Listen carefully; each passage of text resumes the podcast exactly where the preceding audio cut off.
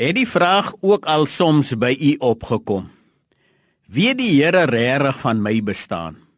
Wie die Here van my hoë bloeddruk en my suiker en my reumatiek en my oë wat ook nie meer elke dag so lekker kan sien nie?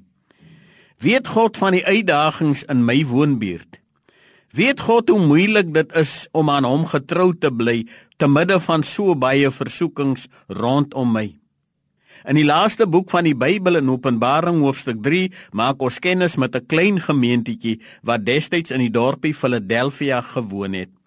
Die lidmate van hierdie gemeente was oor die algemeen baie arm. Verder het hulle geweldige vervolging van die kant van die regering en ook van die kant van die Jodendom beleef. Verder was die dorpie in 'n vulkaanagtige gebied geleë met vulkane wat enige tyd kon uitbars en die dorpie en hulle inwoners kon vernietig. Die lidmate van hierdie gemeente het seker dikwels gewonder of die Here regtig van hulle omstandighede geweet het. Hulle het gewonder of hy bewus was van die oorlewingsstryd waarin hulle daagliks gewikkel was. En toe het die Here aan hierdie gemeente 'n briefie geskryf. En in hierdie briefie sê hy vir hulle: "Ek ken julle werke. Ek weet waar julle woon. Ek weet wat julle elke dag moet deurmaak. Verder sê die Here, ek weet ook dat julle min krag het. Ek weet dat julle op talle terreine nie met sterker en grootes gemeentes kan meeding nie. En dan sê God verder, maar ek het vir jou oop deur gegee wat julle kan benut. Wat presies was hierdie oop deur? Dit was die geleentheid om die evangelie met ander te kon deel, want deur die dorpie het daar 'n groot pad geloop. Daar was druk verkeer op die pad. Ons sou vandag kon praat as die nasionale pad wat deur die dorpie geloop het.